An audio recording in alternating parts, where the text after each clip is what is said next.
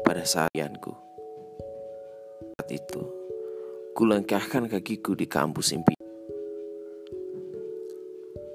Aku melihat keramaian, menggambarkan bahwa sebuah perjalanan baru akan dimulai. Dengan kardus tergantung di leher dengan namanya.